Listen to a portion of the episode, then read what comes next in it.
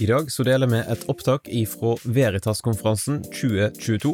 Veritas-konferansen er i hovedsak et samarbeid mellom tre organisasjoner. NLA, Mediehøgskolen Gimlekollen, der Damaris Norge er en randsonevirksomhet, og laget NKSS og Bibelskolen i Grimstad.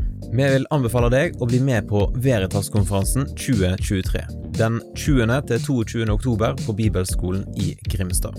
I 2023 så vil hovedtemaet være Fornuft og fantasi arven etter CS Lewis.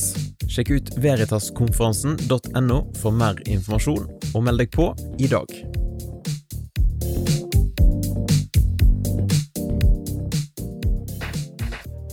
Well, hi, everyone. It is such a great pleasure to be with you all here for the conference. I wish I could be there live and in person, but if we can't do that, then this is the next best thing. My name is Natasha Crain, and I am so excited to be talking with you about discipleship today.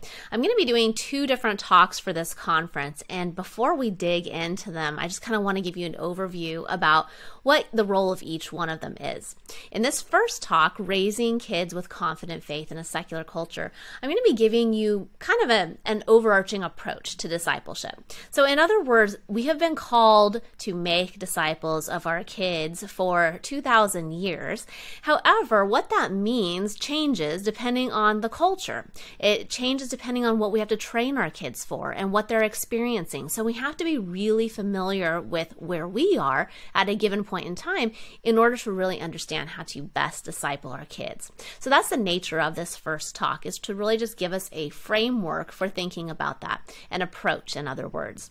In the second talk, what your kids will hear about Christianity, I'm going to be going deeper into the actual answers that we can give our kids. So we're going to be learning some apologetics in that and I'm going to go through some of the biggest claims that our kids are going to hear or that they're hearing already, depending on how old your kids are. And we're going to talk about how to best answer those. So these two talks really go hand in hand very well. And like I said, I'm just honored to be able to share with you. And I hope that this is going to be valuable for you in thinking about how to best disciple your kids in today's culture. So let's start with this overall framework. What does it mean to disciple kids today? In talking to parents over the last several years, as I'm a writer and a speaker, and I get out and I do speaking events, not always sitting in this chair like this, but when I go out into the world and I talk to parents, I very often hear parents say something like this well, I'm just doing my best. And, um, you know, I don't know, this world is pretty crazy, but I'm going to go ahead and just do the things that I think are going to work. And, uh, you know, that, that's all I can do there's very much this sense of resignation. It's sort of like the world has gone crazy, and so I'm going to throw my hands up as a parent because I don't know really what else to do. I'm going to suggest to you that that's a really poor approach to discipleship. And I'm going to give you an analogy, a little illustration here to show you why I think that's the case. So I want you to think about Mount Everest. Here's a little picture to get you in the right mindset for this. I want you to think about this mountain. And I want you to think this is the, the tallest mountain in the world. And I want you to think about everything that it takes in order to climb a mountain like this. If you're unaware of it, there are people who try all the time to climb Mount Everest. There's an immense amount of preparation that you have to go through in order to do it. And a lot of people even die trying because it is such a significant undertaking. Well, I want you to think about your next door neighbor. I want you to imagine that one day you're walking out to the mailbox at your house. Your neighbor's kind of coming along at the same time. You haven't seen them for a while. You kind of start talking and you say, So, what are you up to? What's going on in your life? And your neighbor says, Well, I've been thinking, and I think I'm going to go and climb Mount Everest. And you're pretty surprised by that because you've never seen your neighbor do any kind of physical exercise other than going to the mailbox each day. And so you say, Wow, that's really amazing. So, what exactly are you going to do to prepare? And your neighbor says, Ah, I know, that's a really good question, and there's a lot that I need to do. So, let me tell you because I've been giving a lot of thought to my training plan. Well, the first thing that I'm going to do is I got these two pound weights. I have these weights for my arms because I know that it's going to be really difficult to get up that mountain. I'm going to have to be grabbing some rocks. I'm going to have to be grabbing some, some sticks and I'm going to move things out of the way. So I have to have these strong arms. So these two pound weights, they're going to really prepare me for what I'm going to encounter. Now, inside, you're starting to get kind of concerned at this point, but you keep listening as a good neighbor. And then your neighbor goes on to tell you, yeah, and you know, I'm going to have to stretch a lot. So I'm going to need to have some kind of yoga mat. You might see me out in the front yard periodically because I'm going to be out there. I'm going to be stretching my legs because I know my legs are going to have to be very limber in order to get up a mountain like Mount Everest and he notices that you're looking a little skeptical of all this. So he says, Oh, wait, wait, wait, wait. I know, I know. You're concerned that I haven't thought about everything, but I have. Don't worry, I didn't forget about it. I'm also learning about yoga. I know that I have to really be able to get into this meditative mindset in order to get up to the mountain. To really climb Mount Everest, I'm going to have to be at peace and really just get my mind and body all in one place. Now, if your neighbor said these things to you, what would you think?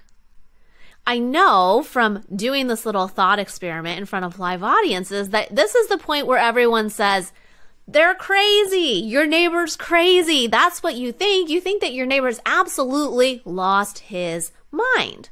And why do you think that? Well, you think that because you recognize that climbing Mount Everest is this enormous challenge, and to just do whatever he happens to think is best is never going to be what it takes to actually get the job done.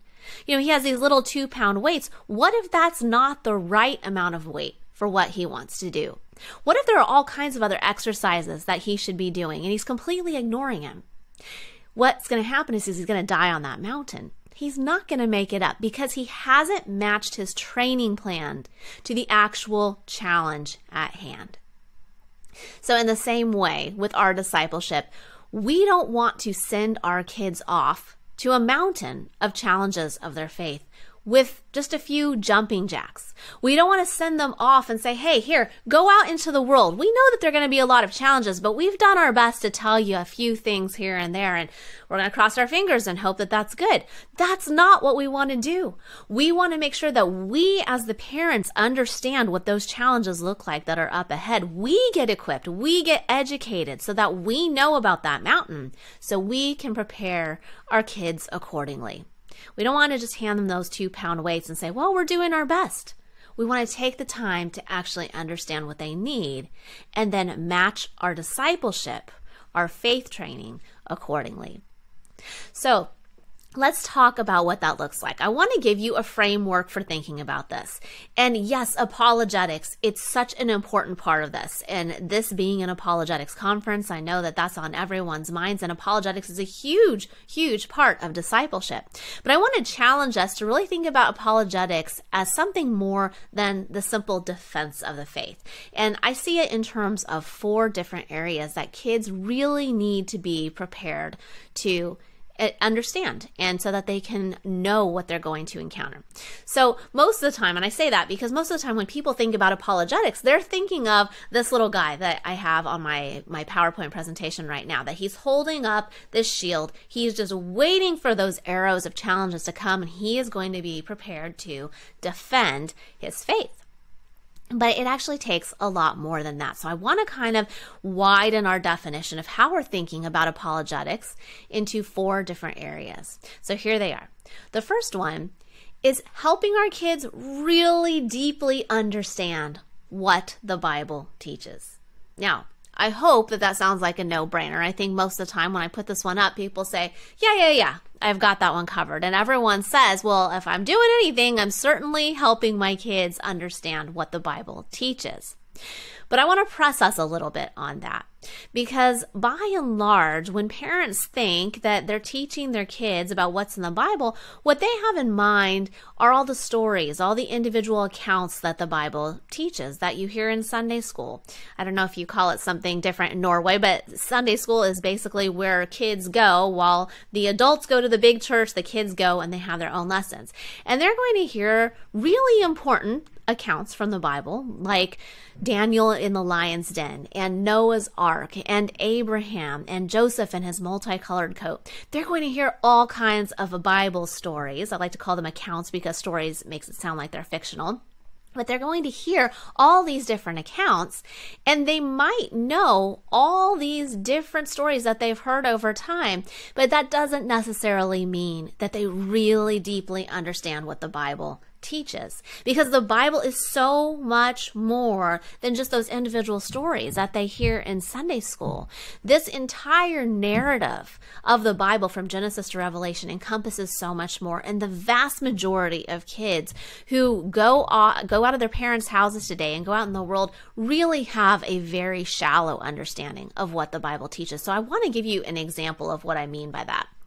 So take a look at this image. This is something that I saw on social media one day and I pulled it off and I saved it because it is such a good example of how so many people have a very wrong understanding of what the Bible teaches. So you have this cute little girl and on the one side it says, according to religion, I am.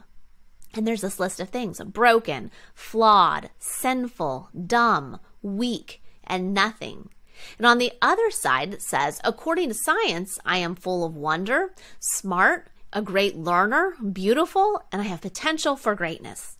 And it asks at the bottom, which do you think is damaging? So think about this for a minute. When I saw this social media post, it had been shared and liked thousands of thousands of times. So many people thought this was a really compelling image. Now, it says according to religion, but if you read between the lines, you can see that it's probably talking about the Bible or thinks that it's talking about the Bible. So we kind of have to ask ourselves about this characterization.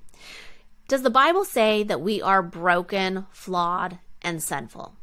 Well, yes, that's actually true. The Bible actually tells us that. But is that damaging?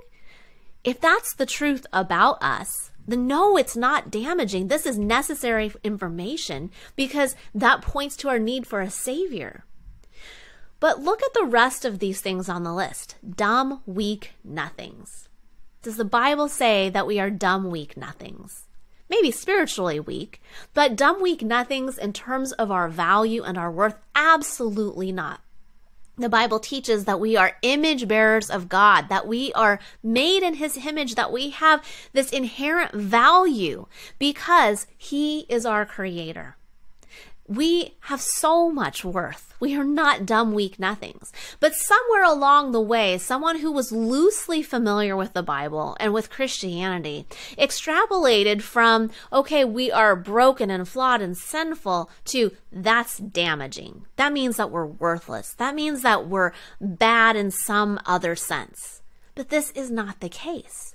See, when people have only a mild understanding of Christianity, sort of a surface level understanding, they can often jump to these kinds of conclusions that don't necessarily make logical sense. They're not consistent with what the Bible actually teaches. But this is what they think it teaches. And you know what happens is that kids end up walking away not from Christianity, but from what they think is Christianity, a flawed mischaracterization of Christianity. And I actually think that is one of the saddest things that I see today. This is something that I see all the time that people on the social media, they'll use these hashtags like evangelical, for example, that they're saying, you know, I'm no longer an evangelical. I've walked away from my faith. And when they post things on their social media that are supposedly chastising Christians or chastising what the Bible teaches, so much of the time they're wrong in their characterization of it. They don't have that deep understanding. Maybe they heard all about Joseph and his multicolored coat, and maybe they heard over and over about Daniel and then Lion's Den. That doesn't mean that they have really learned what the Bible teaches deeply. And that's on us. We cannot assume as parents that our kids are going to really deeply understand the Bible by going to church each week. They're going to get some of it there, but it's our responsibility at home as the primary disciplers of our kids to be the ones who are really digging into God's word and helping our kids understand the complexities and the richness and the depth of the Bible. It's then that when they leave our house and they see characterizations like this, that they can look at this and say, well, that's, that's not exactly right. In fact, there's a lot of things that's wrong with this rather than being one of the people who think that this is really compelling and amazing and click like and share with their friends so that more people can see it. So this is absolutely the starting point for discipling our kids is making sure that they understand Christianity really at a deeper level. So that brings us back to our framework. Number one, that we just talked about, really just gets to do our kids accurately understand what the Bible teaches. You could do that with any other faith. You could accurately teach and understand what Mormonism teaches, for example, or you could accurately and deeply understand what Islam teaches. So, in a sense, this first point is just getting at the accuracy of what our kids understand. But that brings us to the second point why believe it? We can accurately understand all kinds of things. But this is the part where we say, okay, now that you get all this stuff that's in the Bible, now that you understand what the Bible teaches, why is there good reason to actually believe that it's true? And this is a super important point that so often parents miss because, especially if they know a little bit about apologetics, what parents think is, well, my job is to help my kids hold up that shield when those arrows come so that they're defending their faith. And like I said, that's really important. But if your kids don't understand in the first place why there's good reason to believe it's true, they're not going to be motivated to hold up the shield. They're not going to be motivated to defend their faith. You can learn how to respond to objections in all kinds of ways. And this really occurred to me one day when I was watching a Muslim apologist, for example, and he was answering all kinds of objections that Christians had to Islam, and he handled them really well. He would handle every single objection. He would talk about why that's not the case and why this is not something that fellow Muslims should listen to. He would go through all of these, and it sounded really compelling anyone can learn to defend anything. But it's a much bigger task to learn how to make a case for something, a proactive case for something being true. So, this is the part that motivates our kids to hold up that shield in the first place because they're so convicted of the truth of Christianity. They're so convicted that this is worth defending that they're going to hold up the shield and defend their faith.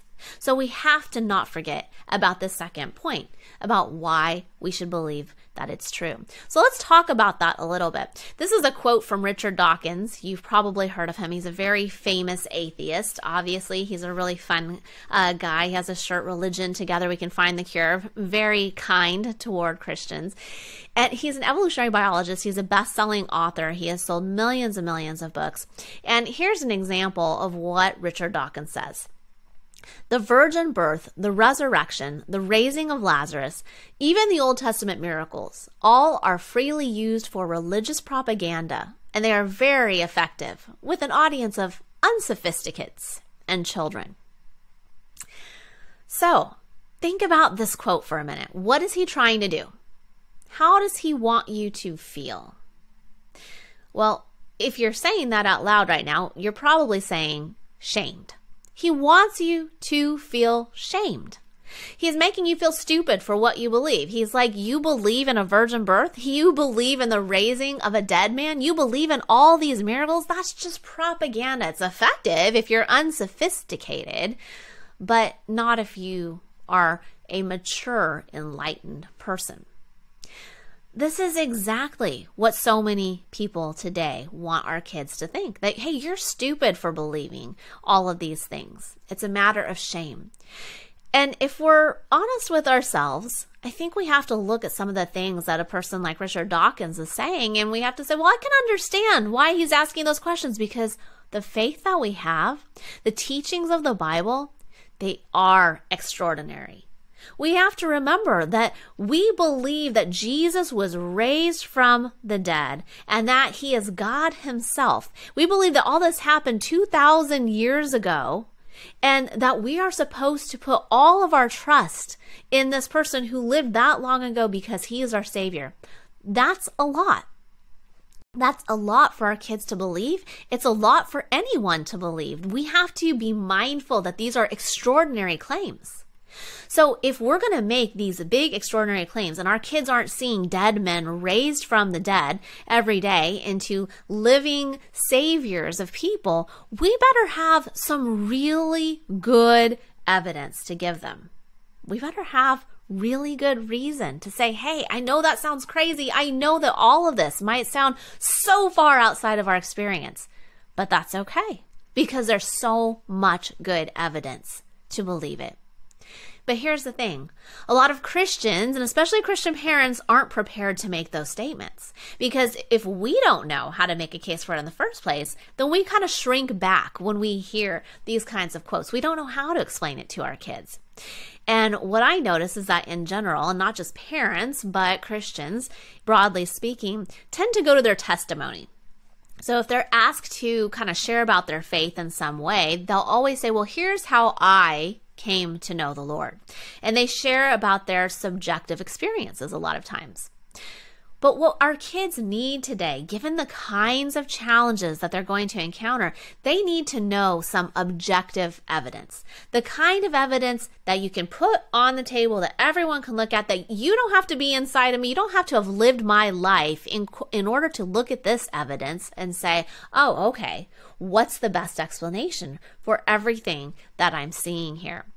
So, this is why we need to get out of our own experience box. Too many Christian parents are sort of trying to export their experience to their kids and say, hey, well, look, here's how I came to believe in the Lord. Here's how I know God. But their kids are saying, yeah, but I haven't experienced that. I, I how am I supposed to know that's true? You know, Mormons, a big part of their own testimony and the way that they share faith is that they explain that they prayed about it and they had a burning in the bosom. They had this feeling that it's true. Well, if that's all we're telling our kids that we prayed and we knew that Jesus was our Savior, if that's all we have to share with them, that's very subjective. Other religions make those same claims. So, how are our kids supposed to know why there's good reason to believe that Christianity is true? That's where we have to help them make the case for their beliefs. Now, I don't have time in this session to actually dig in and make an entire case for the truth of Christianity. In the second session, we're going to talk about several of these pieces. But at least for now, what I want to do, I don't want to leave you hanging and just say, oh, yeah, there's great evidence for Christianity and, and go read some books about it or go read my books or any others. I at least want to give you a little bit of a framework so that you can see what we're talking about here. So, there are four big questions that this comes down to if you're going to make a case for the truth of Christianity. And I want you to think about all that will roll up into these questions. Yes, there are lots and lots of things that we have to consider and look at, but at the end of the day, they really roll up into this framework. So, number one, the very first question is what evidence is there for God's existence? This is hugely important because it's the foundation for everything else, right? Seems simple enough. If we can't show our kids that there is good reason to believe that God exists, we don't need to go through the whole four step framework because there's no God to inspire God's word. Jesus can't be God because there is no God. This is sort of the 101 part of making a case. What evidence is there for God's existence? And by the way, my book, Talking with Your Kids About God, is now available in Norwegian. It has been translated, which is so exciting to me. And the whole first section of the book goes through that question specifically. So if you're sitting here thinking, oh my gosh, I don't know where I would even begin with that. I don't know how to explain it, especially to younger kids, or maybe I've studied a little apologetics, but I don't know how to communicate it. That book is going to be very helpful to you because it has a conversation guide with every single chapter that kind of walks you through how to have the conversations with your kids. And in the second talk, I'm, um, talk, I'm going to introduce you to some of those points. So we will come back to it. But for now, I just want to leave you with that thought that when you're making the case for the truth of Christianity, Christianity, it's going to start with the objective evidence for God's existence. So that brings us to the second point Can multiple religions be true? Here's why this matters. There are a lot of people today who say that all religions are basically true. They'll say from that first point, yeah, yeah, I believe that God exists. And I believe that every religion has some of that truth. And it doesn't really matter what you believe. So, before we can ever get to a point of talking about how we know that Christianity specifically is true, we have to answer this question because lots of people would just say, well, yeah, yeah, yeah, Christianity is true, and so is everything else that's out there. This one is the easiest one because it's just a point of logic. You don't even have to talk about which one is true to understand this. You see, if you line up the claims of all the different religions are out there that are out there, you'll see that they make logically contradictory claims about the nature of reality. In other words, they all claim different things about what is true. And they can't be true at the same time. So it's not logically possible for multiple religions to be true. It's not logically possible. For example, in Judaism, Jesus was just this guy. He was not the Jewish Messiah. In Christianity, Jesus was the Jewish Messiah. He fulfilled the scriptures and he is our Savior in whom we put our trust for salvation. Those things can't be true at the same time. But note that that doesn't mean that there are no commonalities between Judaism and Christianity. Sure, there can be commonalities. We believe that there is a God, for example, whereas in other worldviews, you don't have a God at all. So there are certain things that will be in common, especially about morality. People always get hung up on this one. They say, yeah, but all religions are basically, you know, don't kill and don't do bad to someone else. Kind of. Kind of those things are in common. There are still some differences. But at the end of the day, you can't reduce religion to morality.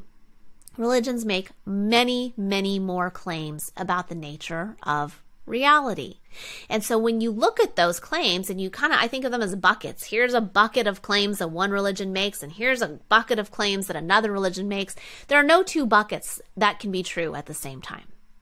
So it's possible that God exists and no religions are true. He just never revealed himself at all. It's possible that God exists and one religion is true. But it's not possible that God exists and all the religions that we see out there in the world are equally true. They can't be. So that brings us to the third question. If we've made a good case for the existence of God, and then we've gone to this next question of said and said, yes, I understand logically all those religions that are out there cannot possibly be true. So now I need to know if there is one religion that is true. Then we want to understand how do we know if Christianity is true? And you'll see on this slide that I have a very specific question. It says, what evidence is there for the resurrection of Jesus? Notice that that's not just the broad question of what evidence is there for the truth of Christianity. And here's the reason. In 1 Corinthians 15 14, the Apostle Paul gives us a truth test for Christianity. He says that if Christ has not been raised, then our faith is in vain. Our faith is useless. We can pack our bags and go home. We don't need to believe that Jesus was a good teacher. We don't need to believe that Jesus was anything special. Paul says, hey, if there's no resurrection, if Jesus wasn't raised from the dead, all of this is pointless. Our preaching is useless. We don't need any of this. So this is the truth test for Christianity. And I emphasize this with my kids all the time.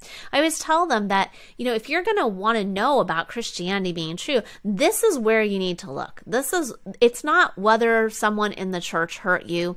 It's not whether or not you like what the Bible teaches. It's not whether or not you feel something is true. At the end of the day, it's whether or not Jesus was raised from the dead. And there is great historical evidence around this subject in particular. And again, we don't have time to go into that in, in depth in this talk, but I want you to know, if you're new to that, that yes, there is historical evidence for the resurrection. This is actually uh, this is discussed at length in my other book, Talking with Your Kids about Jesus, and you can walk through that and you can see the historical arguments for it. So that's a, a, hugely important starting place in terms of talking about how do we know that Christianity is true. And that brings us to the fourth point. How do we know that the Bible is reliable? Here's why that's important.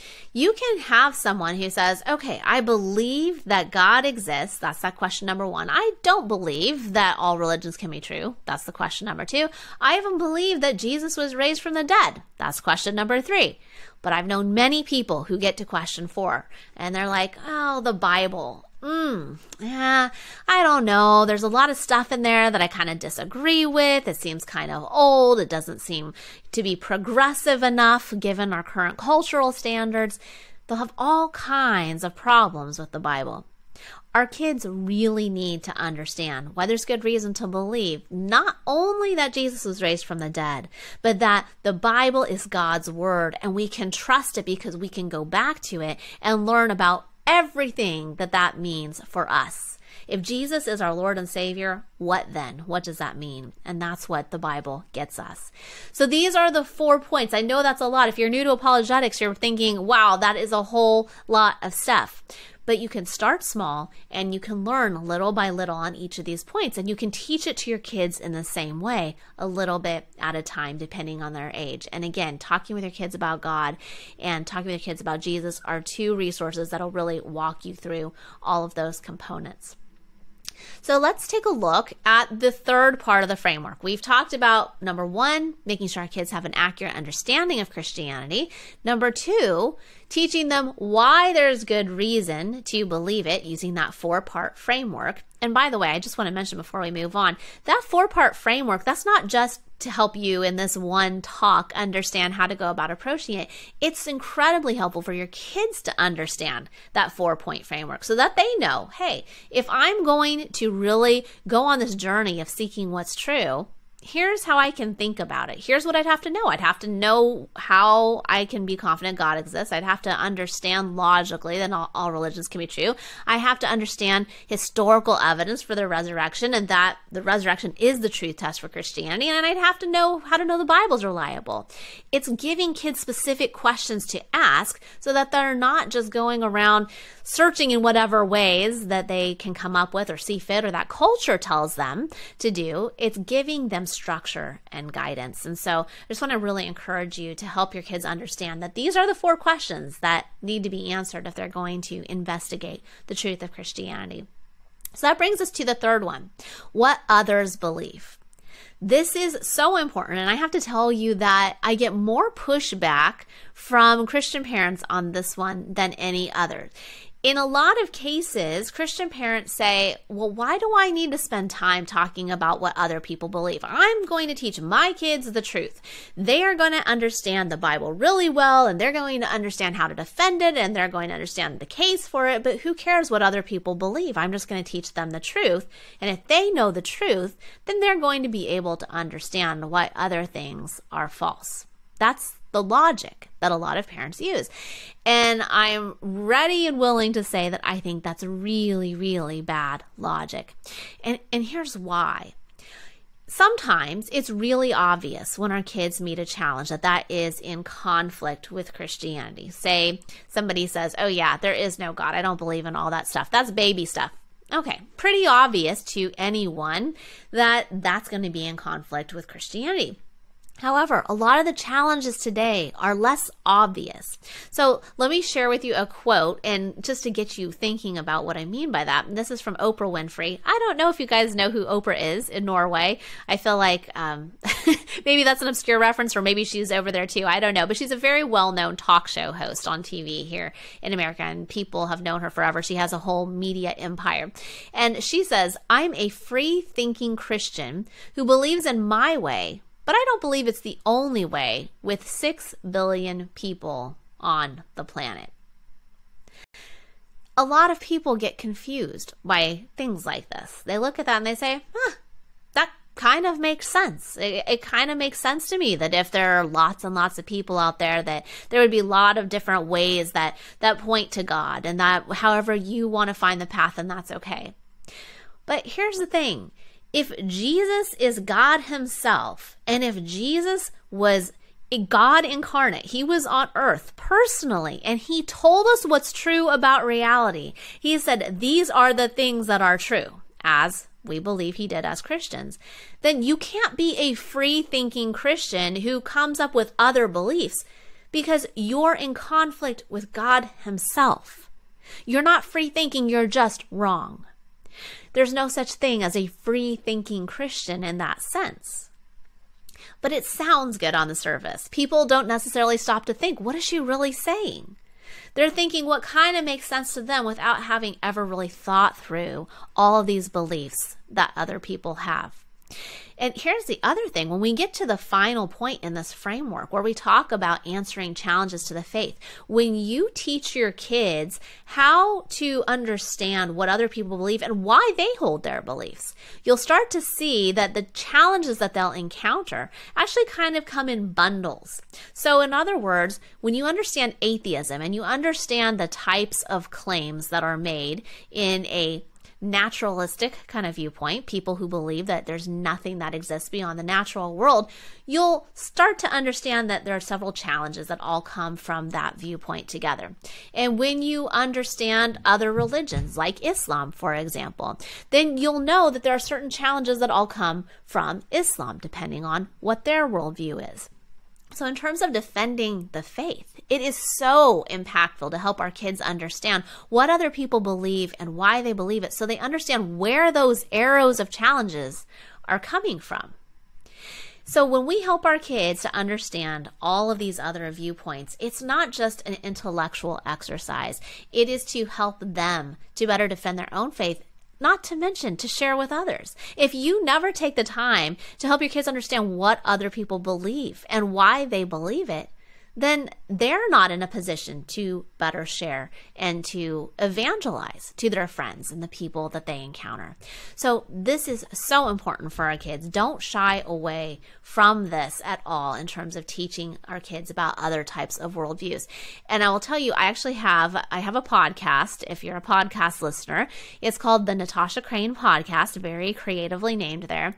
And in the very second episode, so episode number two, I do a whole episode on how to teach your kids about other worldviews. So if this is something you could use some help on, then you can go to that episode in particular, and I talk all about how I approach it, the resources I use, and so on. So I think that that can be very helpful to you.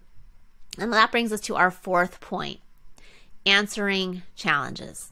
So, just like I've been saying, we teach our kids accurately what the Bible teaches. Then we explain why there's good reason to believe that it's true.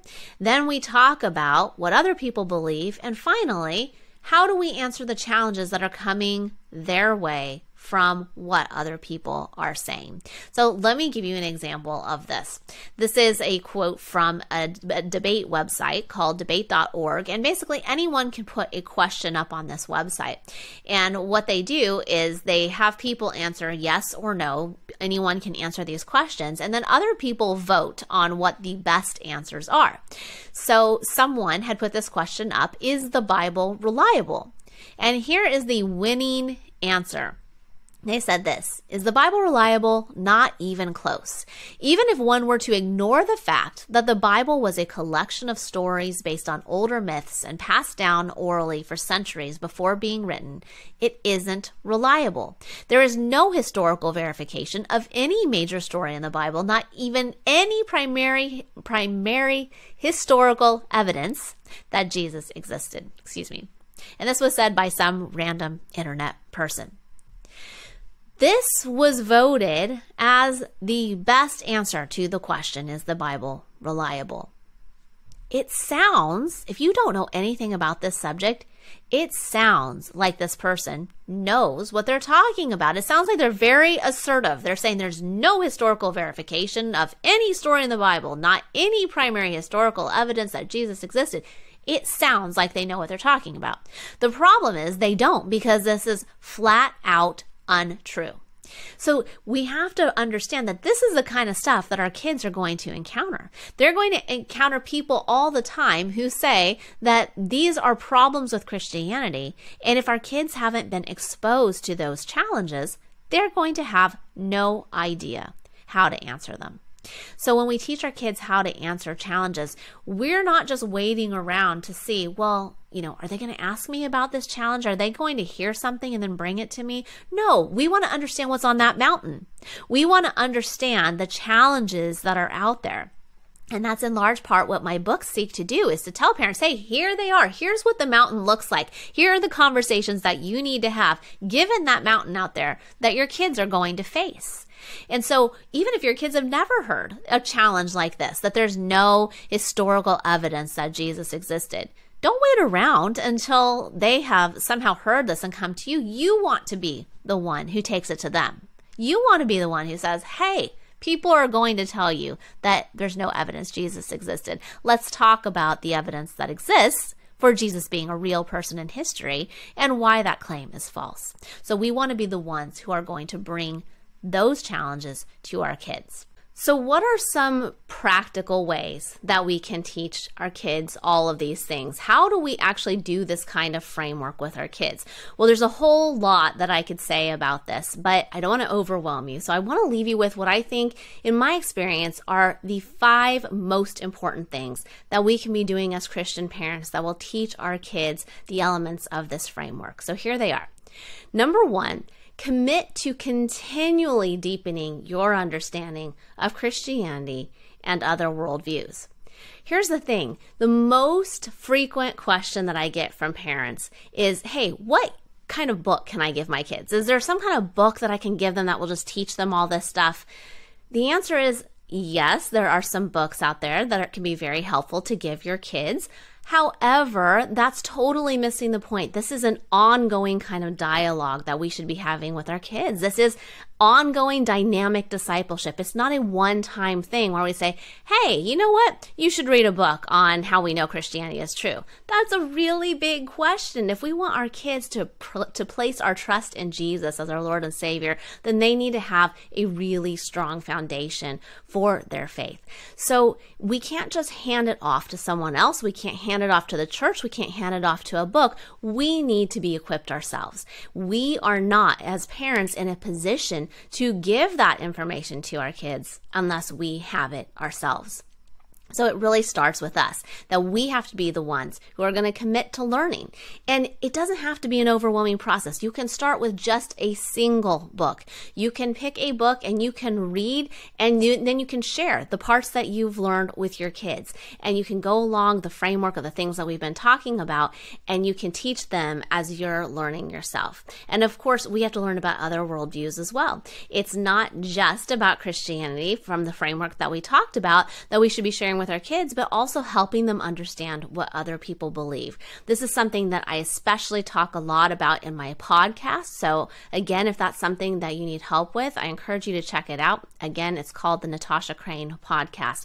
And my goal is really to just help parents in this area to continually grow in their understanding of Christianity and of other worldviews. The second thing is to both use moments and create moments. So, what do I mean by that? Using moments means that we have equipped ourselves as parents to a point where our radar is up. That when we see an opportunity, we see an article, we see something in the news, we hear something that a friend said, anytime that we spot something that we can tie in a point to worldview training, that we can identify that and we can say, hey, here's something that we need to talk about. And I do this all the time with my own kids. I will print out articles or I will print out a quote of something that I see on social media or I'll send this in a message to them online and I'll say, hey, check this out. What kind of problem do you think there is with this thinking if it's a logical problem, for example? Or look at this example of a quote of how an atheist thinks about Christianity. So I'm constantly bringing examples to my kids so that they are well aware of how the world sees Christians, how the world sees our faith, and then it opens up the opportunity for these conversations. So always be on the lookout for those moments.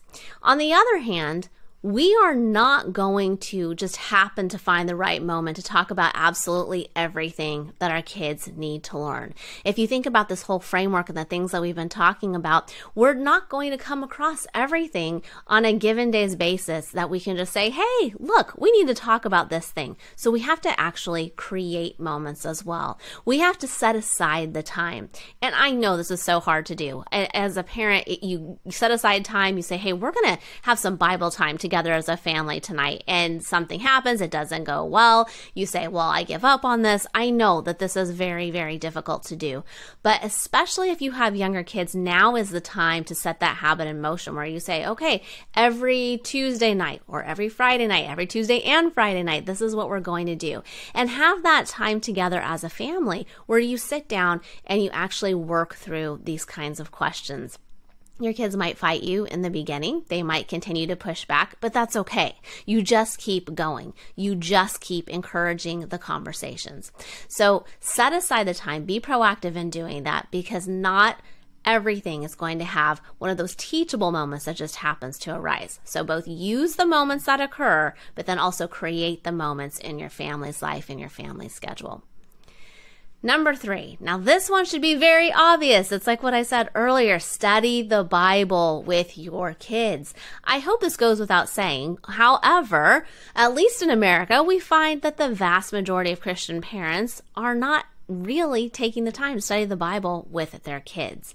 And this is really concerning because how can kids know what the Bible teaches with accuracy and with depth if we're not actually studying it with them? So we need to be studying the Bible really deeply with our kids. Apologetics is wonderful. Apologetics is critical. I'm passionate about apologetics. But if your kids don't know what it is they're defending, then you're missing the whole boat. They have to understand the Bible first, the truth of what it teaches before they're in a position to defend it, to make a case for it. So when you set aside those times with your family, study the Bible with them. It's not enough for them to just see you studying the Bible, though they absolutely should, but study it together with your children. Number four, regularly see what questions your kids have.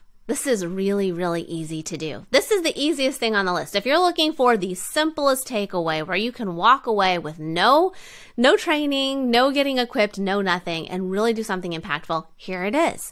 Have a questions night with your kids. All you have to do is say, hey, after dinner tonight, we are going to have a questions time where you can just ask us anything about God, the Bible, Christianity, faith, anything. No questions are off limits. Now, sometimes parents say, oh, well, my kids know that they can ask me questions, and they just assume that that means their kids will ask them questions don't assume this. Even if your kids feel very comfortable with you, they might not think it's important enough to broach a topic with you. They might not think that it's something that they want to spend their time on. They might not want you to know what they're thinking necessarily. But if you proactively come to them and say, hey, let's do this, because I bet there are a lot of questions you have. Everybody has questions, and your questions are totally welcome. Well, your kids will then start asking things. They'll start wanting to know. And I'll tell you that when I have given this advice to parents over time, over the last several years, and parents come back to me and say, Hey, I tried that idea. The number one question that comes from kids when parents sit down and actually make time to say, What questions do you have? The number one question is, How do I know God is real? I think that tells us a lot. This isn't some crazy nuanced question from the Bible that parents are like, wow, I've never even thought of that before. They just want to know, how do I even know God is there? It's a really basic question, and parents are often blown away by that, that their kids don't necessarily have the confidence in that.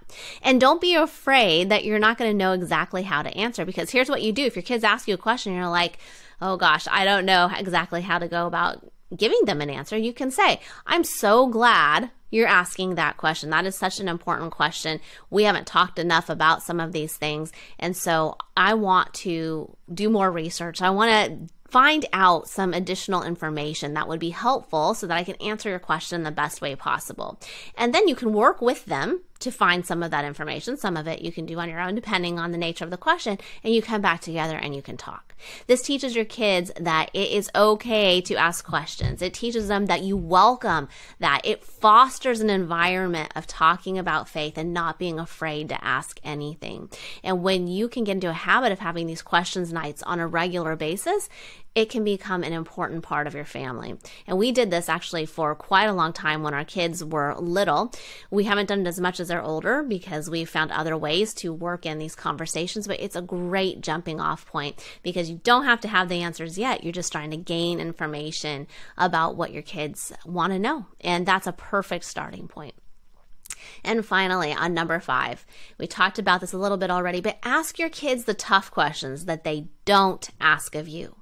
So we kind of have two different sides of the coin here. On the one hand, I'm saying make sure you're getting their questions, the things that are top of mind for them. Make sure you're finding that out. But on the other side of that is what I mentioned earlier that they might not necessarily think of all the questions that they should know answers to in order to be equipped for that mountain that we're talking about. So, for example, your kids may never think to ask you a question about, hey, does the Bible support slavery? Yet, this is a really big issue today that lots of skeptics raise. So, as the parent, when you're getting equipped, when you're continuing to educate yourself on these things and you're learning about that mountain, you say, ah, that's going to be a challenge that's out there. They're going to encounter that. So I'm going to get myself to a point of understanding and then I'm going to bring it up to my kids and say, hey, there are some things that you're going to hear and here's what you need to know about it. And you can have those over time. Use it as a dinner night conversation. Once a week, pick a night where you just bring up a tough question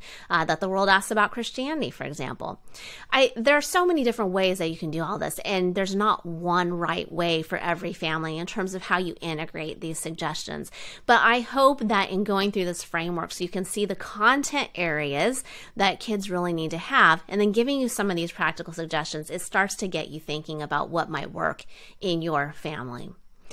So that's it for this section. This session. I'm really excited about our second one together. I hope you're going to join me for that, and that we're going to actually go through some of the most common claims that kids will hear today about Christianity, and I'll walk you through how to answer them.